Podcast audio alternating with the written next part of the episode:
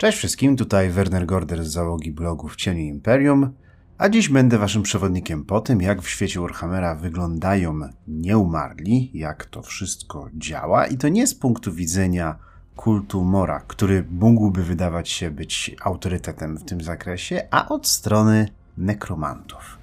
Także jeżeli kiedykolwiek zastanawialiście się, jaka jest różnica między zombie a gulem, zapraszam was na dzisiejszy odcinek.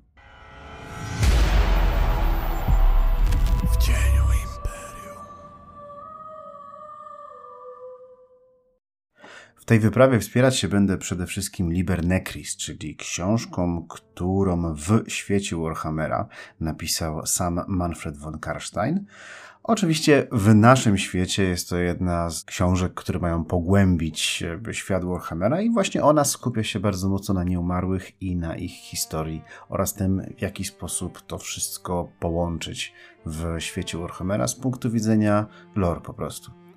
Na początek musimy rozprawić się z jednym bardzo szeroko rozpowszechnionym mitem, przynajmniej z punktu widzenia nekromantów, który panuje w Starym Świecie.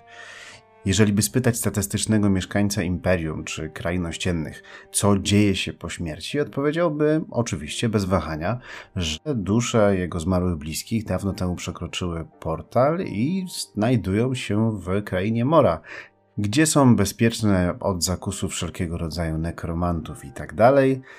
Z krainą Mora związane są też różne inne legendy. Tam gdzieś daleko za nią ma znajdować się drzewo nadziei, przed którym swego czasu stanął nawet sam Sigmar, ale to jest powiedzmy inna historia i dla naszych rozważań nieszczególnie istotna, ponieważ kraina Mora nie istnieje. Nie mówcie tego znajomym kapłanom Mora, ale ma to być wielkie kłamstwo. Przynajmniej tak do tego wszystkiego podchodzą nekromanci. Bajka, którą ludzie opowiadają sobie od wielu pokoleń, żeby było im lepiej, ale tak naprawdę jest ona nieprawdziwa. A skoro kraina Mora nie istnieje, no to powstaje pytanie, co właściwie dzieje się z duszą po śmierci? No i tutaj Liber Necris przedstawia dość pesymistyczną wizję życia pozogrobowego, tego co dzieje się po śmierci. Mianowicie według Karsteina po śmierci większość dusz albo relatywnie szybko rozpływa się w aetyrze, albo jest konsumowana przez jakiegoś boga lub demona. Jeżeli tak się jednak nie stało, a tak może się dziać relatywnie często, to zazwyczaj z powodu tego, że ta dusza jest w jakiś sposób związana klątwą, magią, obecnością spaczenia i tak i w związku z czym nie zamierza się ani całkowicie rozpłynąć, a jednocześnie stara się unikać tego, żeby całkowicie przestać istnieć. Czasami tym czynnikiem, który sprawia, że ta dusza nadal jakby funkcjonuje w stanie takim spójnym, jest to, że osoba, do której za życia ta dusza należała, posiada jakąś wyjątkowo, ale to wyjątkowo silną wolę i to ona właśnie utrzymuje tą zmarłą duszę w całości.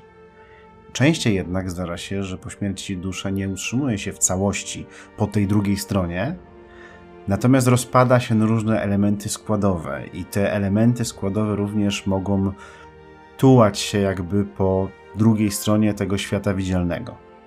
I tutaj dochodzimy do kolejnej rzeczy, bo to miejsce, w którym znajdować się mają te dusze, duchy, fragmenty tych dusz, ono nie jest jakąś osobną zupełnie krainą, ono jest po prostu światem materialnym, tylko jakby innym aspektem świata rzeczywistego, którego zwykli śmiertelnicy, żyjące osoby po prostu nie widzą. Chyba, że posiadają dar, który pozwala im widzieć, spojrzeć za tą zasłonę. Istnienie tego aspektu rzeczywistości w ogóle jest mocno związane właśnie z tym, że przez świat Warhammera cały czas przepływa magia z rozbitych bram chaosu, i w miejscach, w których ta magia się zbiera bardziej, albo jeżeli są jakieś magiczne zawirowania, to te duchy, dusze, fragmenty dusz mogą łatwiej jakby zacząć manifestować się w świecie widzialnym. Dzięki temu czasami faktycznie mogą w jakiś sposób wpłynąć na to, co żywi mogą zobaczyć, co żywi mogą odczuć ale jest to wyjątek od reguły, tak samo jak zapewnić to mogą różnego rodzaju magiczne przedmioty, które pozwalają rozmawiać ze zmarłymi albo w ogóle zobaczyć ten fragment tego świata. Mamy przykład w Imperial Zoo do czwartej edycji, takiego kielicha dzięki któremu można rozmawiać z tymi duchami i zobaczyć je po tej drugiej stronie, ale no tak jak wspominałem, jest to wyjątek. Zwykle duchy, dusze, fragmenty dusz są całkowicie niewidoczne dla śmiertelnych ludzi i vice versa. Duchy, dusze zwykle śmiertelników także nie widzą. Jeżeli jednak spojrzy się w ten sposób na świat rzeczywisty, no to zobaczy się w nim oprócz e, duch, duszy tych osób zmarłych, również jakieś eteryczne echa, na przykład, nie wiem, zwierząt, które dawno temu odeszły, czasami nawet niektórych bardzo dziwnych roślin, tego typu takie odbicie rzeczywistości w wymiarze jakby takim duchowym, ale to przynajmniej według Libernekris nie jest w żaden sposób inny świat, to jest ten sam świat, tylko na którego patrzy się w inny sposób. Oprócz osób, które rzeczywiście urodziły się z takim darem, który można by przyrównać trochę do wiedźmiego wzroku, tylko przystosowanego do rzeczy martwych, nie wiadomo czy to dar bardziej czy przekleństwo, to zwykle w świecie Warhammera postrzegać to również potrafią nekromanci, różnego rodzaju licze, magowie kolegium ametystu, wampiry, tego typu istoty. Niektóre wampiry, szczególnie z nekrarchów, mają nawet dużo lepiej funkcjonować i dużo więcej postrzegać z tamtego świata niż z tego świata rzeczywistego po stronie żyjących. Po tym wstępie wiemy już, że kraina Mora jest iluzją tylko i wyłącznie, natomiast nie jest iluzją to, że jest jakaś forma duszy, która gdzieś później się błąka. I teraz tak, jeżeli przyjrzymy się teologiom, które mają niby funkcjonować w Warhammerze, to zauważymy, że każda z nich zawiera jakiś element, który duszy przypisuje jakiś pierwiastek energetyczny, energii. To zapewne łączy się z tym, że jak już wcześniej wspominaliśmy, te dusze mogą w jakiś sposób dostarczyć nowej energii tym bogom czy demonom, no bo w końcu z jakiegoś powodu te demony czy bogowie pożerać mają te dusze, albo żeby przedłużyć swoje trwanie, albo zwiększyć swoją własną potęgę. Mogą też rozpływać się w czystej potencjalności aetyru, też w jakiś sposób zwiększając jego siłę.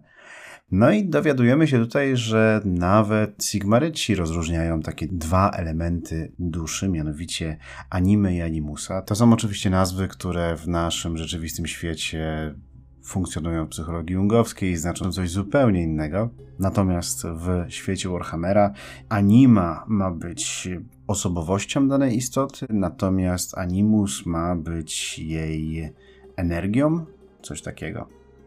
Tyle Sigmaryci, a Sigmaryci akurat w świecie Warhammera nie są najbardziej znani z tego, że zajmowali się śmiercią jej tematem. Tym tematem najbardziej zajmowała się Nehekara i cały ten kult śmierci, który rozwinął się podczas jej długiego trwania. I on rozwinął dużo większą i głębszą teorię na temat tego, jak wygląda dusza. Według tamtejszych kapłanów każde żywe, inteligentne i samoświadome stworzenie składało się tak naprawdę z siedmiu elementów, które były osobnymi elementami, choć niektóre z nich w różnych układach mogły na siebie wpływać i w jakiś sposób działać razem. Ta teoria też jest wzorowana na tym, co było w naszym rzeczywistym świecie, w tym przypadku na wierzeniach starożytnych Egipcjan, choć to, co powiem za chwilę, nie ma dużo wspólnego z tym, jak patrzyli na to Egipcjanie. Tak więc według kapłanów hekaryjskiego Mortuary Cult samoświadoma istota składała się z następujących elementów. Pierwszym z nich było fizyczne i śmiertelne K, czyli ciało. Drugim K, czyli ego oraz zdolność do logicznego i abstrakcyjnego rozumowania. Kolejnym elementem było Ba, czyli podświadomość oraz emocje. Następnym było Ab, Ab było czymś, co odpowiadało za wolność wyboru i umiejętność właśnie wyboru między dobrem a złem. Coś na kształt sumienia. Kolejnym z nich było Sekhem, czyli siła życiowa, która w ogóle napędzała daną istotę. Przedostatnią z nich było Ren, czyli prawdziwe imię danej osoby. Jednocześnie była to także sama idea indywidualności danej osoby, nie tylko samo imię. To był taki wyznacznik tego, że dana osoba była jednostką w ogóle.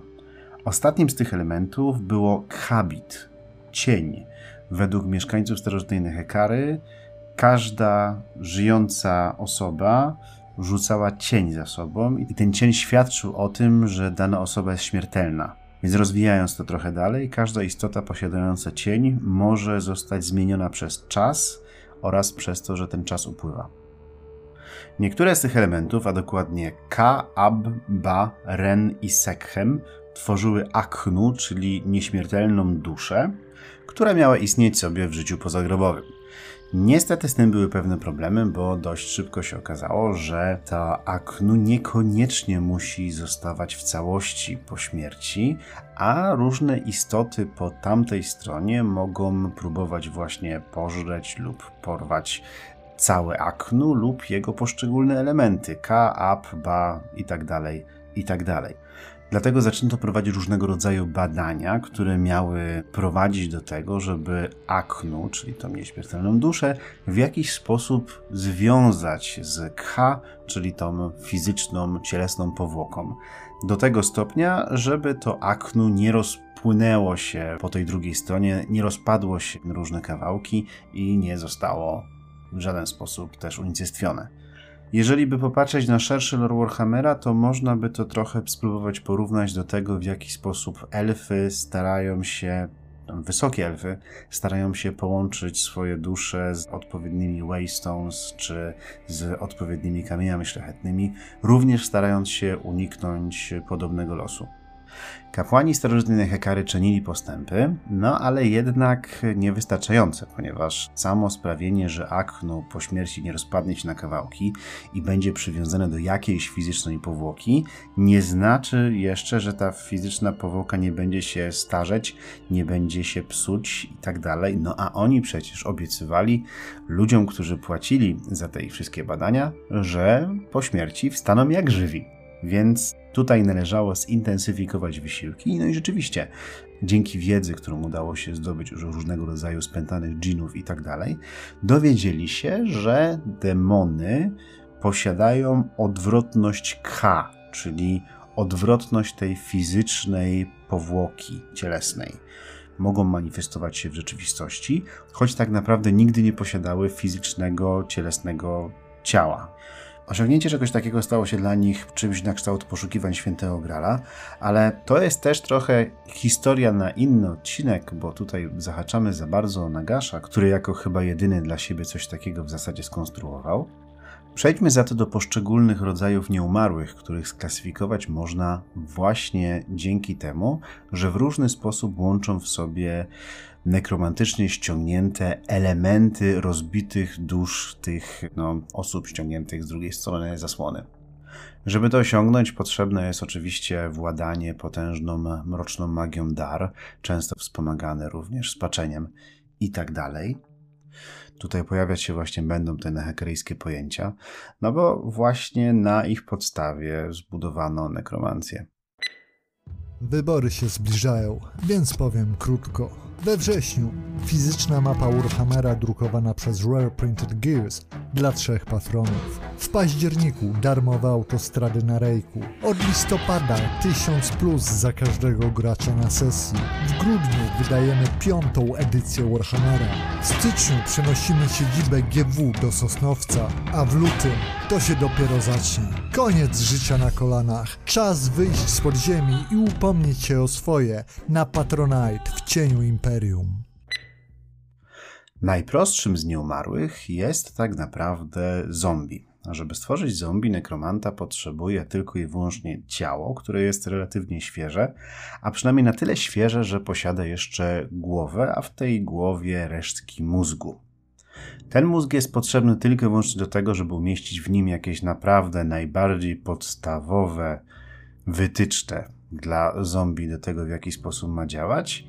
A jeśli przyjrzymy się zombie pod względem tej wcześniejszej terminologii, to okaże się, że ma K, czyli ciało, Kaibit, czyli ma swój cień, oraz jest w jakiś sposób wypełnione sekhem, czyli tą magią, energią życiową, która w tym wypadku została sztucznie w niego wlana przez nekromantę. I to tyle. Zombie nie ma osobowości, nie ma pamięci, nie ma ren, nie ma prawdziwego imienia. No i z tego wszystkiego wynika, że byciem zombie zarazić się nie da w świecie Warhammera. Zombie istnieje tak długo, jak tylko nekromanta podtrzymuje w jakiś sposób sekhem danego zombie. Oczywiście tu mówimy o normalnej sytuacji, a nie o takich dziwnych miejscach, które są tak przesączone tą energią dar, że same jakby podtrzymują trwanie takich nieumarłych. Tutaj przykładem na to może być na przykład Musion. Następnym typem nieumarłych, który jest bardzo podobny do zombie, są szkielety. Szkielety od zombie różnią się tym, że aby się poruszać, nie polegają na resztkach mięśni i tak dalej. Natomiast animuje je czysta magia, w związku z czym może jest to troszeczkę mało intuicyjne, ale szkielety są jednak trochę szybsze od zombie i bardziej zwinne, ponieważ tutaj to właśnie sama siła magii porusza tymi wszystkimi kośćmi, na które składa się szkielet. Plus tego jest taki, że właśnie są szybsze, minus tego jest taki, że potrzebne jest troszeczkę więcej tego sekhem, tej energii magicznej do tego, żeby szkielet podnieść. A jeśli mówimy o tych terminach hekaryjskich, to oprócz sekhem szkielet posiada oczywiście K, czyli to fizyczne kości, z których się składa i kabit, ponieważ da się go zniszczyć, ma cień oraz fragmenty K, czyli własnego ego jeszcze tam się do tego dodaje. Jeśli chodzi o takich nieumarłych, których nasze postaci mogą jeszcze relatywnie często spotykać na sesjach, no to wydaje mi się, że należałoby w tym momencie jeszcze opowiedzieć kilka słów o gulach. I choć zasadniczo zwykle właśnie lądują w tym zbiorczym określeniu nieumarli, to Gule tak naprawdę w świecie Warhammera nieumarłymi nie są, ponieważ żyją. Ale co to za życie? No właśnie, cóż to za życie? Ano jest to życie osób, które tak naprawdę zatraciły całkowicie swoją własną indywidualność w kanibalizmie i straciły umiejętność dostrzegania dobra i zła, także całkowicie pozbawiły się w ten sposób swojego ab i swojego ren, jeśli trzymamy się cały czas tych hekarejskich terminów. Ale pomijając te drobne dwa szczegóły, to są prawie jak żywi. No prawie. Kolejnym dość nietypowym jak na nekromancję tworem, przynajmniej dzisiaj, są golemy. I tutaj nie mam na myśli tych golemów krasnoludzkich, tylko konstrukty, które ożywiane są, z braku lepszego słowa, przez nekromantów. Takie konstrukty nie muszą składać się z ciał, mogą być skonstruowane z czegokolwiek, tak naprawdę. Dobrym przykładem mogłyby być tutaj uszapti ze starożytnej Hekary, które no, były tak naprawdę ożywianymi statuami, ożywianymi pomnikami, które do pewnego stopnia prezentowały własne ograniczone możliwości umysłowe. Jeżeli posiłkowalibyśmy się tutaj tą terminologią Hekary, no to właśnie wszelkiego rodzaju golemy powoływane do istnienia za pomocą nekromancji składałyby się przede wszystkim z sakhem, czyli oczywiście tej siły życiowej, tej energii magicznej, K, czyli tej zdolności do logicznego rozumowania, oraz habit, no bo mają cień i mogą zostać zniszczone. Natomiast jako tako one nie mają ciała, bo to ciało jest dla nich sztucznie stworzone. To nie jest ciało jakiejś istoty, która kiedyś żyła. Jeśli chodzi o innych nieumarłych, którzy również nie mają ciała, no to tutaj musimy również wspomnieć o wszelkiego rodzaju duchach, które w tym ujęciu są bardzo często właśnie jakimś fragmentem danej osoby, jej często właśnie emocjami, które z jakiegoś powodu jeszcze błąkają się po tej drugiej stronie i nie chcą rozpłynąć się w etyże, a nadal nie zostały całkowicie jeszcze zniszczone. I Tutaj podobno duchy takie dość trudno wbrew pozorom kontrolować i przywołać na życzenie nekromanty. Przynajmniej w normalnych warunkach, jeśli otoczenie nie jest mocno nasycone magią. Uchwycenie całości duszy danej osoby zdarzać się ma relatywnie rzadko.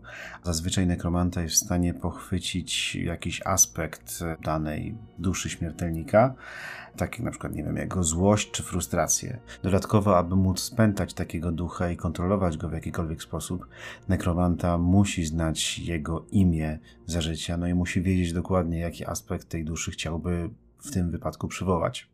W tych nehekaryjskich terminach taki duch to K, czyli ego i zdolność do myślenia, Ren, czyli jego prawdziwe imię, Sekhem, czyli ta energia magiczna. Oraz Ba, czyli jego emocje. Jeśli poruszamy już temat eterycznych nieumarłych, no to tutaj na tapet należałoby wziąć widma i w zasadzie Banshee, bo to tutaj zasada działania jest bardzo podobna Jedno i drugie to eteryczne pozostałości użytkowników magii, zwykle no dość potężnych, którzy nie chcą e, rozpłynąć się w niebycie, no i będąc po tamtej stronie zasłony, zachowują swoje K, mają swój Kaibit, mają Sekhem, no i mają Ren. I właśnie dzięki znajomości Ren, ich prawdziwego imienia, nekromanta jest w stanie przywołać takie widmo i je kontrolować w jakiś tam sposób. Choć tutaj nie należy zapominać o tym, że widmo do tego, aby utrzymać swoją egzystencję po drugiej stronie zasłony, musi cały czas kraść żyjącym sekhem, czyli tą energię magiczną, energię życiową. Więc za jakiś czas żyjący odczują w pewien sposób obecność takiego widma, niekoniecznie od razu przez to, że będą umierać ta energia życiowa może być podkradana po kawałku, ale jednak to, że takie widmo zostało przywołane w jakieś miejsce, będzie dało się odczuć z czasem. Ostatnie dwa typy nieumarłych to Whites, niestety nie znalazłem żadnego dobrego tłumaczenia na język polski, oraz Licze. I oba te twory są w zasadzie szczytem możliwości nekromancji, jeśli nie jest się nagaszem. Ten pierwszy to w zasadzie prawie cała dusza, czyli aknu ściągnięta do zabitego ciała, która z powrotem nim porusza.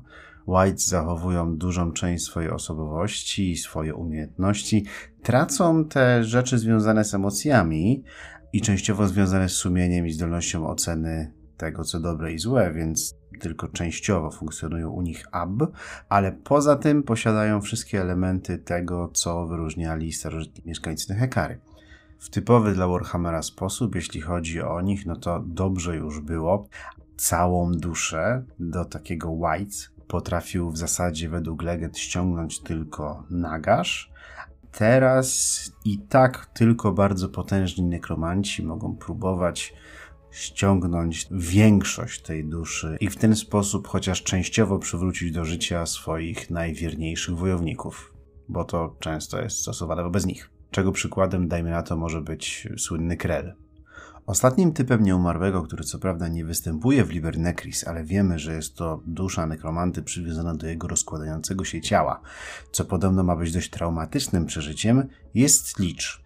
Gdybym miał powiedzieć, jak opisać taką istotę w kategoriach Nehekary, powiedziałbym, że ma ona K, K, Sekhem, Ren i Khaibis. To znaczy ma ciało, które się starzeje, ma jakąś świadomość, ma pojęcie o tym, że jest jednostką, napędzane jest jakąś siłą magiczną, no ale już dawno temu już zapomniało o czymś takim jak emocje czy poczucie tego, co jest dobre, a co złe. Oczywiście to są wszystko tylko modele, tak to wygląda teoretycznie. W praktyce zdarzają się w lore przypadki przykład Whites, które wcale nie są pozbawione poczucia tego, co dobre, a co złe i nawet po śmierci starają się zrobić to, co powinny zrobić, jak na przykład pewien nieumarły krasnolud. Ale tak wygląda teoria, no i myślę, że ta teoria może być dla nas przydatna, jeżeli będziemy projektować sami nieumarłe zagrożenia dla naszych graczy, ale też może się przydać do tego, żeby nasze postaci pogłębiły swój sposób widzenia nekromancji. Wszak te teorie mogą się przydać nie tylko samym nekromantom, ale też ludziom, którzy próbują z nimi walczyć ale też samo założenie, że kraina Mora tak naprawdę nie istnieje, może być koncepcją, która mogłaby wprowadzić dużo zamieszania do Starego Świata i wydaje mi się, że znalazłoby się wiele sił, które starałyby się bardzo mocno, aby ograniczyć rozprzestrzenianie się takiej koncepcji. No i jeżeli na przykład nasi gracze, nasze postaci miałyby coś wspólnego z jej szerzeniem, no mogłoby to sprawić, że ich przygody stałyby się nagle dużo bardziej gorące. Oczywiście nikt nie każe naszym postaciom porzucać swoje dotychczasowe przekonania i uwierzyć nekromantom, no ale z drugiej strony może coś w tym jest. Jak zapewne zauważyliście, nie poruszyłem zupełnie tutaj tematu wampirów, ale to jest temat, który zasługuje na osobny odcinek, a ten i tak już jest wystarczająco długi. Dzięki serdeczne wszystkim patronom, którzy przyczynili się do tego, że ten odcinek w ogóle mógł powstać. Jeżeli chcielibyście do nich dołączyć, to wszystkie linki znajdują się w opisie. Zapraszam Was też do naszego Discorda, na którym możemy kontynuować dywagacje na ten temat, jak również na każdy inny. A ja się z Wami na razie żegnam i pod nieobecność Roberta zapraszam na kolejny odcinek, który pojawi się już w przyszły wtorek. Do usłyszenia, trzymajcie się, cześć.